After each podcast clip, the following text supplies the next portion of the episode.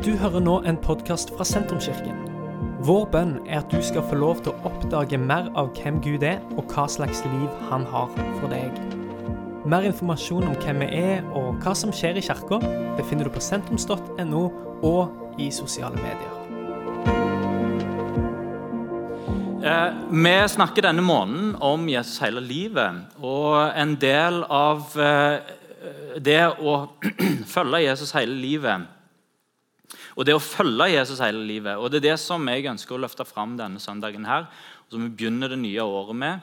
Eh, å følge Jesus. Det er overskriften for det som jeg har lyst til å dele. For noen år siden så Kanskje ikke alle som vet det, men jeg, jeg sitter i tilsynsgruppa til eh, til Sørlandskirka i Arendal. Da, eh, be, da, besøker jeg de iallfall en gang i året. Eh, og etter et sånt besøk Jeg hadde hatt en sånn ledersamling, så skulle jeg ta tog hjem.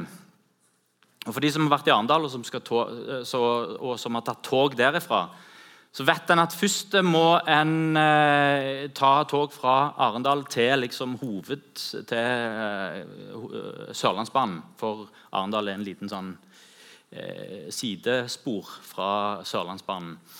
Eh, og jeg tok tog der eh, på kvelden. Dette var i november, eh, og det var helt svart. På stasjonen som jeg ble satt av for å gå på toget hjem, var det òg helt svart. Det var, og det var kaldt. Ganske veldig kaldt, så jeg satt, så jeg satt inne. Når jeg sier at det var såpass kaldt, så var det kanskje ikke november. Kanskje det til og med var desember eller januar. Det var, det var iallfall minusgrader ute. Eh, og jeg satt inne på stasjonen og venta på at toget skulle komme. Eh, og du vet hvordan det er når du sitter og venter på for dårlig tid. så plutselig så ser du at toget kommer.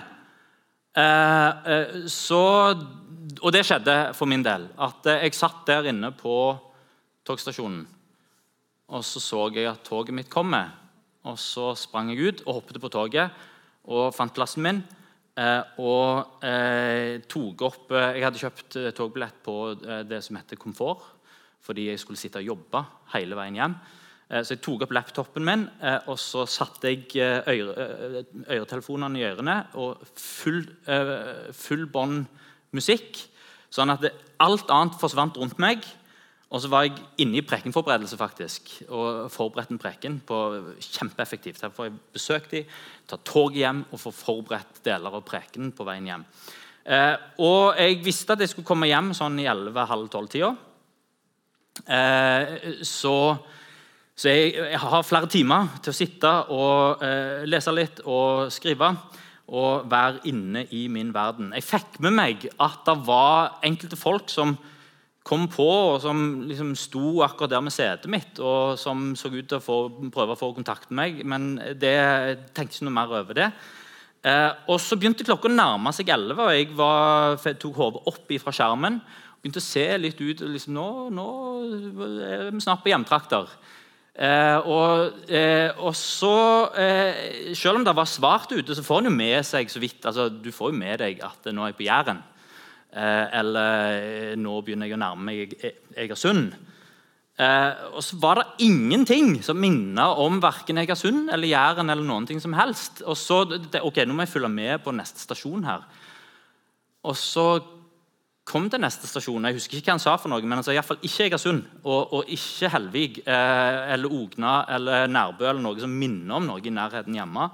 Eh, og Da eh, gikk det opp for meg at jeg var på vei til Oslo.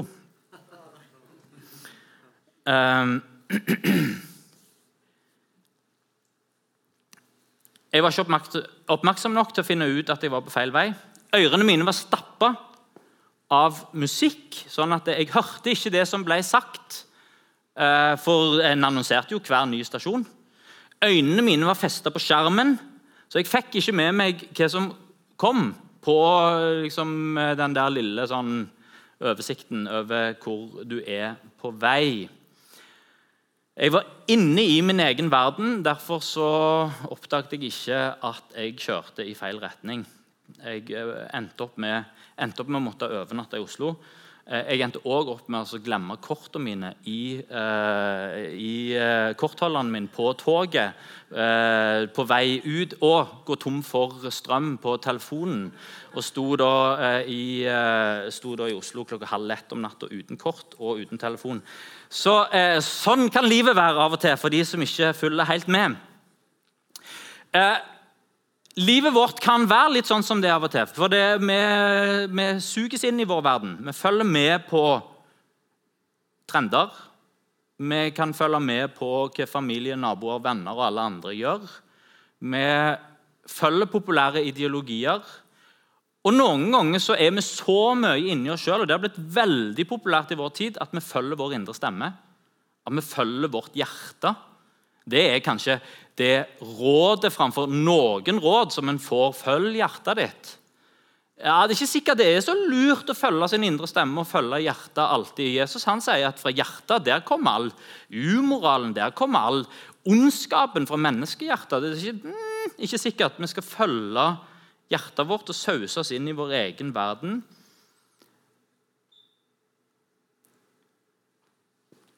Og blir han, bare, blir, han bare, blir han, for opptatt til å få øynene sine opp, eh, så blir han kanskje bare dratt med i tidsånden og blir med der som alle andre går. Å være en kristen det er å følge etter Jesus. Tro på Jesus leder til etterfølgelse. Og en etterfølger det er en disippel, eller som mye bedre på norsk en læresvein. En som ser en som lytter, og en som gjør etter, og som gjentar den prosessen igjen og igjen og igjen. Ser hva mesteren gjør for noe, lytter til hva mesteren sier, og gjør etter det som mesteren gjør. En mester og herre, en disippel og tjener, en mester og læresvein. Og Med inngangen til et nytt år så er dette invitasjonen som jeg har lyst til å kaste ut til deg som har funnet veien til gudstjeneste eh, denne søndagen. En invitasjon til etterfølgelse og til å følge etter Jesus. Da trenger vi å gå til begynnelsen og se hvordan Jesus kalte sine første disipler. og Da skal vi lese fra Markus 1, vers 14 20. Etter at Johannes var blitt fengsla, kom Jesus til Galilea og forkynte Guds evangelium og sa:" Tiden er inne, Guds rike er kommet nær. Vend om og tro på evangeliet. En gang han gikk langs Galileasjøen, fikk han se Simon og Andreas, bror til Simon. De holdt på å kaste not i sjøen, for de var fiskere. Jesus sa til dem, 'Kom og følg meg, så skal jeg gjøre dere til menneskefiskere.' Straks lot de garnet ligge og fulgte han. Da han kom litt lenger fram, fikk han se Jakob, sønn av Sebedeus, og hans bror Johannes. De satt i båt og bøtte garn. Da kalte han de, og de lot faren Sebedeus bli igjen i båten sammen med leiefolkene, og de fulgte han. En forutsetning for å følge Jesus det er at Guds rike er kommet nær. Det er det Jesus begynner med å si. Guds rike er kommet nær. Guds rike er her sier Jesus et annet sted Guds rike er blant dere. Guds rike går han faktisk enda et steg til og sier til disiplene Guds rike er inni dere. Eh, Jesus han lærte disiplene sine å be la ditt rike komme. Og så ser vi når vi leser evangeliene at eh, Jesus snakker både om Guds rike og han snakker om himmelens rike. Og Dette er, dette er samme tingen. Guds rike det er himmelen. Og hva er himmelen for noe? Himmelen er der som Gud bestemmer. Himmelen er der Gud regjerer. Og så, så lærer Jesus oss da å be La ditt rike komme på jorda. Gud, la din vilje skje her nede. Der du råder, la det få lov til å få fotfeste på jorda. Og Når Jesus da begynner sin tjeneste, så er det dette som er budskapet. At Guds rike, der Gud bestemmer, det er kommet nær. Det er kommet her på jord. Himmelen er kommet til jorda. Dette er det julen handler om. Derfor feirer vi jul, for det, for himmelen har kommet til, til jorda. Og Etter sin døde oppstandelse så drar Jesus til himmelen igjen for å være med sin far. Og så, lover, og så blir vi lovt derifra så skal han komme tilbake igjen. Og så skal hans rike, som har kommet nær nå, det skal få lov til å komme i sin fylde. Guds rike skal komme med kraft himmelen skal komme til jorda. I mellomtida så lever vi i en overlapp. Der Vi kan egentlig se på dette som to sirkler. Du har en sirkel som sier verden, og så har du en sirkel som sier himmelen. En sirkel, Den samme sirkelen, verden, den kan vi kalle for Der mennesker har blitt gitt råderett. Himmelen, der Gud rår. Men så er det en plass hvor disse her berører seg. Sånn at vi kan ta det som Jesus sier, himmelen er kommet nær, og så kan vi si Guds rike er kommet nær, så kan vi si det er allerede nå, men så er det ikke ennå. Vi ser at Guds rike er kommet nær, men vi vet at Guds rike skal komme. Og så lever vi, og det, og det, Jesus, det er den overlappen at Jesus kommer og spør oss Kom og følg meg. Og Guds rike det er rettferdighet, fred og glede i Den hellige ånd. Det er ånd og kraft, det er tilgivelse og nåde. Det er sannhet og det er hellighet. Barmhjertighet og tålmodighet, gjestfrihet og sjenerøsitet. Det er bønn og tilbedelse, selvfornektelse og tjeneste. Og Guds rike det kan oppsummeres i kjærlighet, et rike av kjærlighet, der grunnloven i Guds rike er å elske Gud og elske mennesket. Sånn sier Jesus oppsummerer med hele loven og profetene. Jesus begynner sin tjeneste med å si jeg er kommet for å forkynne gode nyheter for de fattige, for å forkynne for fanger at de skal få sin frihet, for blinde at de skal få syn igjen, for å sette undertrykte fri og erklære et nådens år fra Herren. Vet du, Det kunne nesten ha vært sånn programerklæring til et hvilket som helst norsk politisk parti jeg skal eh, her Gode nyheter for de fattige, forkynne for fanger. Vi skal jobbe for at fangene skal få frihet. De blinde ja, Kanskje ikke en hadde sagt det, blinde skal få syn igjen, men i fall at vi skal hjelpe de syke og ha god, eh, sykehus og helsetjeneste. Og sette de undertrykte fri. Det er vi jo alle, eh, alle politiske partier enige om. Og erklære at nådens år fra Herren det vil en jo òg veldig gjerne. Iallfall et nådens år fra regjeringen. Eh, og dette er det jo nesten alle ønsker seg. Og så lever vi i en tid der jeg tror vi vil ha Jesu kongedømme. Men så sier vi ofte nei til kongen sjøl. Fordi en vet at kongedømme høres fint ut, og kongedømme vil vi leve i. Og kongedømme har vi fått en smak av fordi verden har snudd seg etter Jesus sin, sin, eh, etter Jesus sin undervisning og etter de verdiene som hans rike representerer. Men hvordan får vi kongeriket? Vi får kongeriket gjennom å følge etter kongen. Det Jesus sa til sine første disipler, det sier han òg til, oss. Og Det første han kommer med, er 'omvend dere og tro på evangeliet'. Og Omvendelse og tro det er to sider av samme mynt. Du kan ikke ta den ene sida og si jeg vil ha bare øverste side av denne mynten, men jeg vil ikke ha den andre. Altså, det, blir, det blir det blir veldig rart å gå rundt med mynt og si jeg har bare oversida av denne mynten. Jeg, eh, det som er bunnsida, det, det, er ikke del av denne mynten. her. Tro og omvendelse hører sammen. Så spørsmålet kan jeg tro uten å omvende meg. Det blir litt som kan jeg følge Jesus og gå min egen vei. Kan jeg gjøre begge deler samtidig? Kan jeg dra både til Oslo og Stavanger samtidig? Eh, kan jeg motta kjærlighet uten å gi kjærlighet? Det blir veldig vanskelig på sikt å ta imot masse kjærlighet. Ta imot og ta imot, men jeg gir, gir, det aldri videre. Kan jeg motta tilgivelse uten å gi tilgivelse? Det blir en måte, det blir en selvmotsigende ting. Den canadiske psykologen Jordan Peterson han svarer på spørsmålet om han tror på Gud. Og han svarer mer og mer på det spørsmålet. Eh, men hans svar er 'jeg lever som om Gud fins'. Og det er ikke så langt unna det Bibelen beskriver som tro. Fordi troen den viser seg i handling. Omvendelse og tro henger sammen. For syv år siden så eh, hadde jeg spart opp eh, litt penger. Bitte litt. Ikke mye. Noen tusenlapper. 10 000, tror jeg det var. Eh, og så spurte jeg en som jeg stoler på, og som jeg vet er ekstremt han, han, I sitt felt innen økonomi han er en av de desidert dyktigste. Eh, og jeg vet at han elsker stor eh, risiko. Så jeg spurte ok, hvis jeg, disse 10 000 som jeg har, hvis jeg skal investere de med kjempestor risiko og med mulighet for å tjene masse penger de neste syv-åtte år, 10 år Og så, han, eh, så, ga han meg et investeringstips som jeg hadde eh, lite tro på. Eh, jeg hadde tro Nei, det var, det var, feil å si sånn. Jeg hadde tro på han og jeg hadde tro på investeringstipset hans. Eh, men troen min på han og på investeringstipset var ikke Det var en, det var en tro med hjertet. Ikke en tro med de 10 000 som jeg faktisk hadde. De, lot, eh, de, eh, de ble stående i ro. Eh, nå, syv år etterpå, så kan jeg da fortelle at tipset hans har hundredobla seg i verdi. Og jeg fikk ikke avkastningen, fordi jeg trodde med, jeg, jeg trodde med hjertet og med hodet, men ikke med, ikke med hendene. Jeg gjorde ikke etter det som jeg trodde. Tro omvendelse, nåde og sannhet. Nåde og sannhet er òg To sider av samme mynt.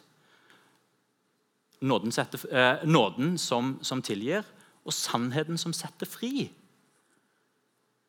Ikke alltid behagelig å høre sannheten. Det er ikke alltid behagelig å forholde seg til sannheten. Det er ikke alltid behagelig å fortelle sannheten, men sannheten setter fri. Å tro på Jesus og snu seg til Jesus og følge etter han, det er begynnelsen til etterfølgelse. Og det er det som disiplene får spørsmål om. Den andre tingen som, den tingen som de gjør, og som er deres respons, er at de slipper det som de har i hendene. Eh, det er en fabel om en gutt eh, Det sies at det er Esop, eller Esop eller hva han heter, som har skrevet denne fabelen. Der det er en gutt som da finner ei fikenkrukke eh, med masse fikener oppi og som da tar hånda si inn i fikenkrukka, og som da tar en fiken. Og som skal da ta hånda ut igjen, og får ikke hånda ut. Den sitter fast i krukka, og han blir gående med den krukka fordi han ikke vil gi slipp på fiken som han har så lyst på, som ligger eh, inni krukka. Eh, nå sier det, og Det kan hende det, er vandrehistorie, det vet jeg ikke, men det sies at det er jegere, at det er jegersamfunn eh, i Afrika eller i Asia eller et eller annet sted som, som fanger apekatter på denne måten. At en lager godteri i noe som er, som er så, som er stort nok til at en får hånda inn, men smalt nok til at hvis en holder fast med, så, så, så sitter en fast. Så kan jeg bare komme og plukke apekattene som eh, da sitter fast eh, i sitt eget eh, sitter fast i sitt eget begjær og sitt eget ønske om å ikke gi slipp på det som, er, som en vil ha inni denne krukka eller inni denne her plassen. Kanskje er det det som gjør at en vil ha kongeriket, men ikke kongen. For en vil kanskje følge Jesus, men ikke slippe det vi har i hendene. Og så tror jeg Vi skal være forsiktige med å si hva den kostnaden er, og hva kostnaden av etterfølgelse er. At jeg sier hva kostnaden for etterfølgelse er for deg. Og at vi forteller hverandre hva kostnaden din er for å følge etter Jesus. For det var noen som fikk beskjed om å forlate hjemstedet sitt når de ville følge etter Jesus. Og så var det andre som fikk beskjed om å dra hjem til hjemstedet sitt. De fikk forskjellige beskjeder. Og livet deres så ulikt ut. Og Sånn vil det være for enhver som velger å si jeg slipper det jeg har i hendene, og så følger jeg etter deg. Det ser ikke likt ut. Men det Jesus lover, der er en offentlig kostnad. Han sier de som følger etter, de som tror på meg, de vil møte forfølgelse. Kanskje ikke sånn, og Det vil se forskjellig ut alt etter hvor en er i verden, men kanskje det kan komme fram gjennom forakt, gjennom diskriminering, gjennom utestengelse, kanskje gjennom mobbing. Og noen ganger gjennom lidelse. Eh, disiplene de slapp garna sine. Garna representerte det de kjente, og som ga de trygghet. Å følge etter Jesus det bærer med seg et element av å gå inn i det ukjente få en ny trygghet. Og Der er det en personlig kostnad. Kanskje er det å gi avkall på bekvemmelighet, trygghet. Kostnaden av å gjøre det som er rett. Og det er en kostnad av å si det som en holder for sant. Sånn er det med Guds rikes verdier. Det gjelder tilgivelse, det gjelder tjeneste, det gjelder gjestfrihet, sjenerøsitet. Alt dette er meningsfullt og gir glede, men det kommer òg med en kostnad. fordi da handler ikke lenger alt om meg og mitt. Det handler om å legge ned noe av sitt eget.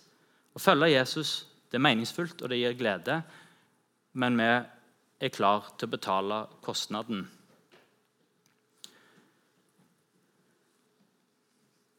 Disiplene slapp det som de hadde i hendene. Eh, og Det siste jeg hadde lyst til å eh, si her, er at eh, de fulgte Jesus. For disiplene var det veldig enkelt. De var der Jesus var. De lytta til det som Jesus sier. De det, gjorde det som Jesus spurte dem om. Og Så spurte de han når de lurte på noe. Faktisk så vil du se at veldig Mye av det som vi leser i evangeliene, som kommer som undervisning til oss, det kommer som følge av at eh, disiplene kom med et spørsmål. Og Noen ganger var det ikke bare disiplene som spurte, men det, det, det, kunne være folk rundt Jesus som spurte han et spørsmål, og så svarte han på det. Sånn ser det ut å følge Jesus. En er der han er.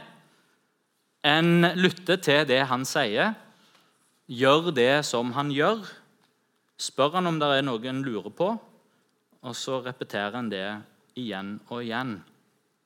Og Det som er interessant for denne teksten, er at eh, de som Jesus spør om å være med, er det er ikke sadukerene. Sadukerene var de, eh, eh, de, religiøse lederne med politisk makt, og som ofte òg hadde økonomisk makt. Det var ikke sadukerer som Jesus spurte om å følge seg. Han kunne vært strategisk. ok, Sadukerene de, eh, hvis jeg får de på lag, så har jeg en fot innenfor i hele det politiske landskapet og i det politiske sentrum. Det er lurt av meg eh, å få med noen av de. Eh, og Det var heller ikke fariseere. Fariseerne har kanskje noen ganger et litt ufortjent dårlig rykte eh, blant oss som leser eh, bibelteksten i dag. For det, eh, de var veldig høyt ansett, i, i, og de var si, de var de overgitte, gudfryktige og disiplinerte troende som, som, som la vekt på å holde loven og som la vekt på å leve rett overfor Gud. Heller ikke disse. Det kunne jo vært litt strategisk av Jesus å invitere med seg noen fariseere òg, som folk beundrer, og som folk gjerne lytter til hva de sa for noe. Men de Jesus spør, 'Kom og følg meg', det er fiskere. Og hvordan kan vi se det i dag? Det er helt vanlige folk. Gifte og single, småbarnsforeldre og besteforeldre. Han kalte lærere og ingeniører. Kalte til og med, eller Kanskje ikke lærere og ingeniører, kanskje det er bedre å si elektrikere og eh, For dette var håndverkere, elektrikere og tømmermenn. Normale gjennomsnittsmennesker, vanlige folk.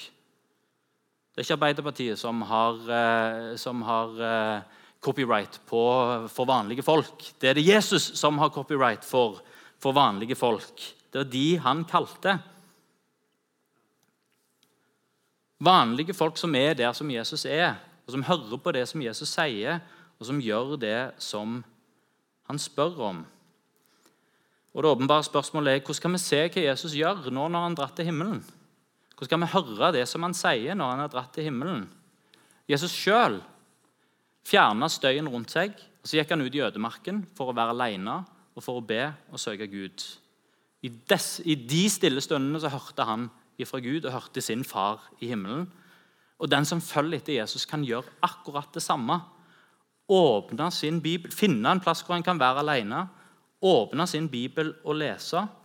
Jesus er Guds ord, og vi hører hans ord gjennom Skriften.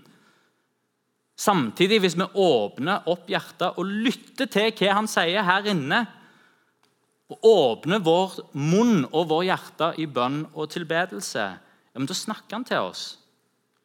Og Utfordringen i vår etterfølgelse er når vi ikke tar oss tid til dette. Det blir som meg i Arendal, som er altfor oppsausa i min egen si, verden og alt det som jeg skal gjøre, og alt det som er viktig, eh, at både springer jeg på feil tog og Når jeg først er på feil tog, så har jeg fokuset mitt inn i skjermen, og jeg har ørene mine stappa full av musikk, så jeg får ikke med meg alle de signalene som, som forteller meg konstant at du er på feil vei.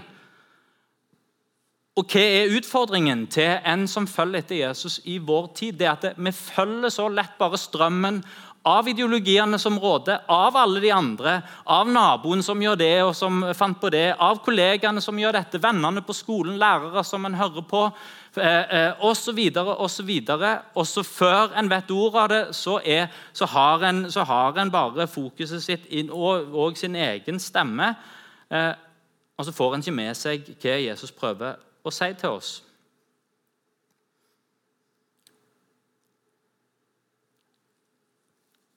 Har du tid til å målløst scrolle på telefonen, da har du tid til å lese Bibelen.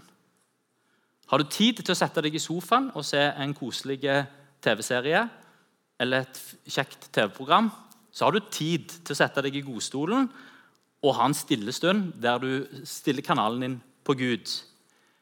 Jeg vil si det så sterkt som dette at hvis du har tid til en joggetur rundt Stokki, eller til å dra på et helsestudio og trene, da har du tid til en liten bønnevandring der du søker Gud i bønn.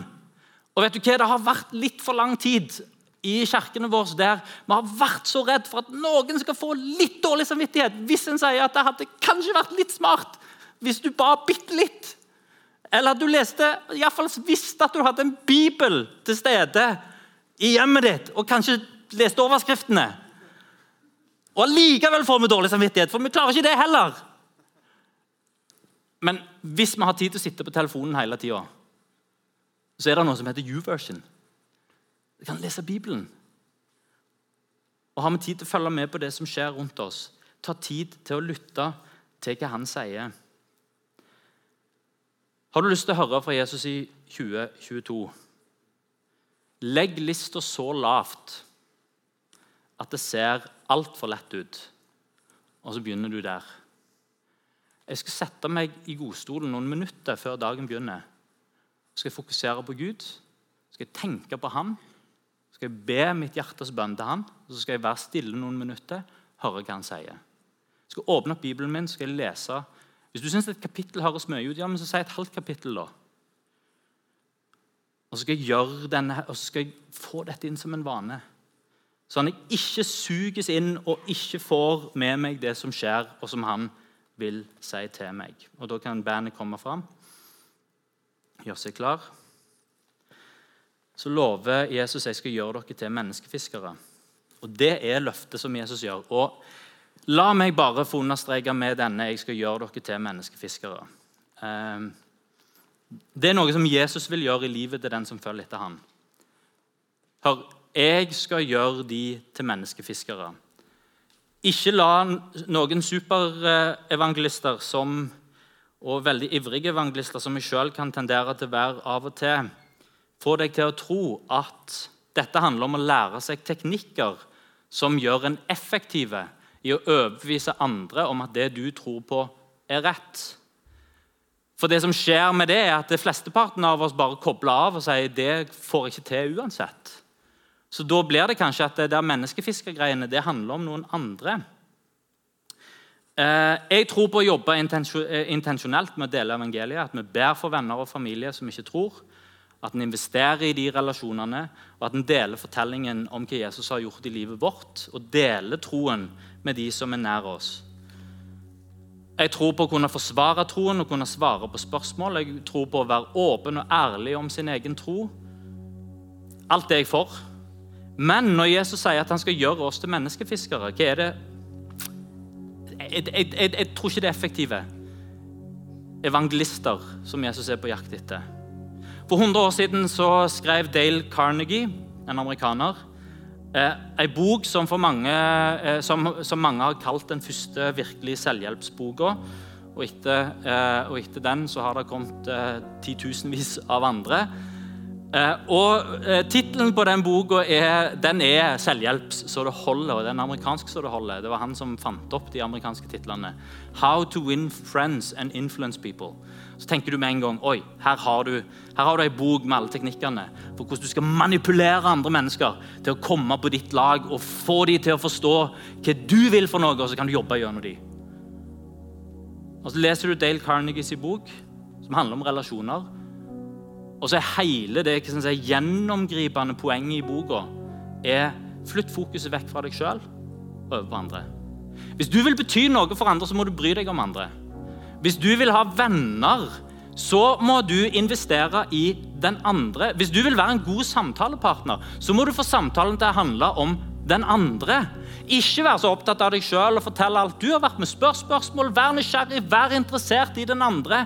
Og så snur han hele greiene på hodet og sier hvis du vil vinne venner og ha innflytelse på, på, folk, så må du slippe behovet for at du skal være i sentrum, og så må du ta fokuset over på den andre.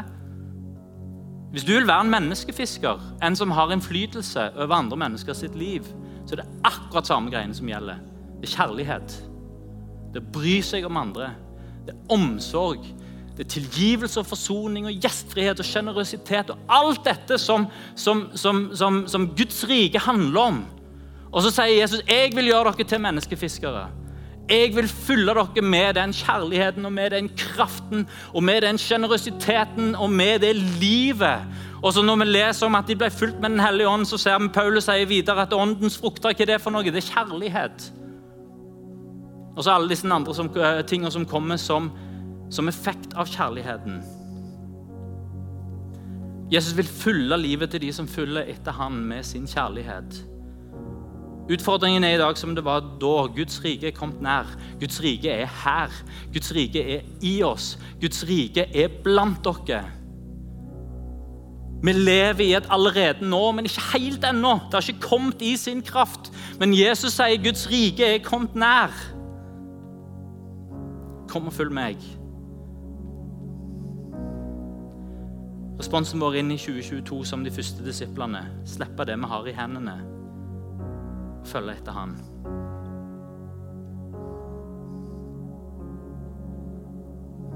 Kan vi ta og reise oss?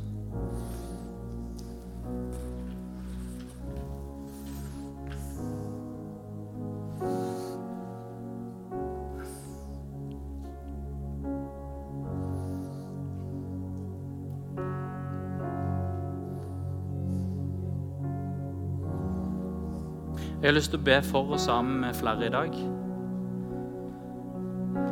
Og Vi kan godt lukke øynene våre eh, der som vi står, og gi hverandre et personlig, litt sånn personlig tid til å være sammen med Gud. Jeg har lyst til å be for deg som vet at du tror på Jesus, men som ikke har sagt et skikkelig ja til spørsmålet om å følge Jesus.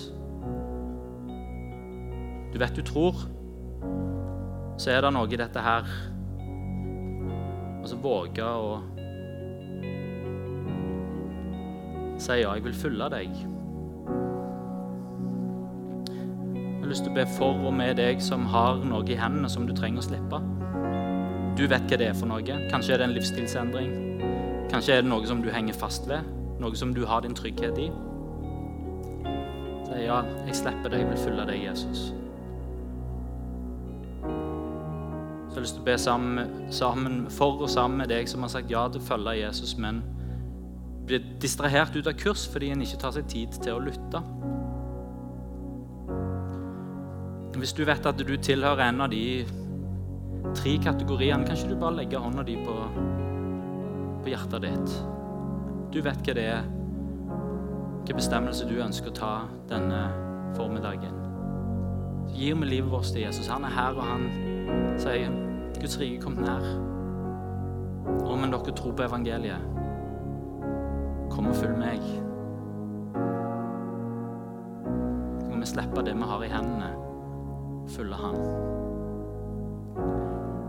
Herre Jesus, du ser hver enkelt hånd, Herre Jesus. Du kjenner bestemmelsen som ligger bak hver av de hendene, Herre.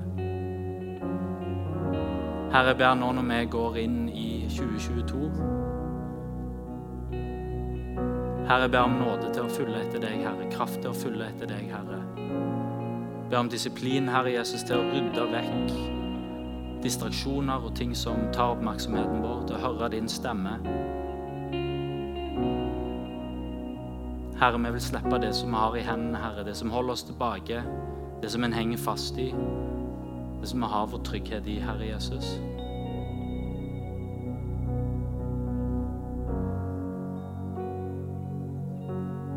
Takk at du vil gjøre ditt verk i hver enkelt den sitt liv, Herre. Fylle hver enkelt den med din kjærlighet. din kraft, med din nåde, med din sannhet.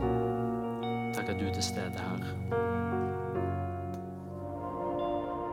Dette er slutten på denne podkastepisoden. Har du spørsmål om Jesus, om tro, om livet, så er du hjertelig velkommen til å ta kontakt med oss via sentrums.no.